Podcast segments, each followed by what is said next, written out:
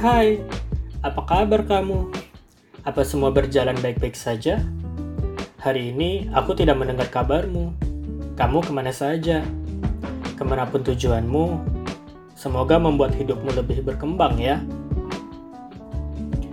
Kalimat pendek dari dalam hati yang diolah dengan logika, namun tak dapat diucapkan sebagai kata-kata yang bersuara. Diam dalam hati, menyisakan rasa sesal yang berarti tak dapat menghentikan sejenak perasaan cemas dan khawatir terhadap seseorang yang pernah singgah di kehidupanmu.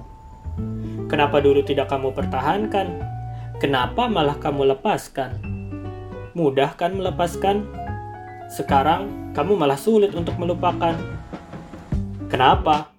Kenapa tidak semudah seperti kamu melepaskannya? Atau bahkan tidak semudah seperti saat kamu menaruh hati padanya. Kenapa? Sekarang sudah terlambat. Kamu harus mundur. Kamu harus menjauh. Tidak ada sisa perasaan yang tersimpan di hatinya untukmu. Karena kamu telah mematahkan harapannya untuk terus berada di sampingmu. Kamu seharusnya tahu bahwa ia sangat mengartikan keberadaanmu dan seharusnya kamu tahu bahwa hanya dirimu lah yang paling mengerti dirinya. Jangan menyesal. Nikmati saja keputusanmu. Jangan melihat ke belakang, karena di sana hanya tinggal kenangan. Kamu seharusnya tetap melangkah ke depan, ke arah tujuan yang harus kamu capai, walau dengan kesendirian.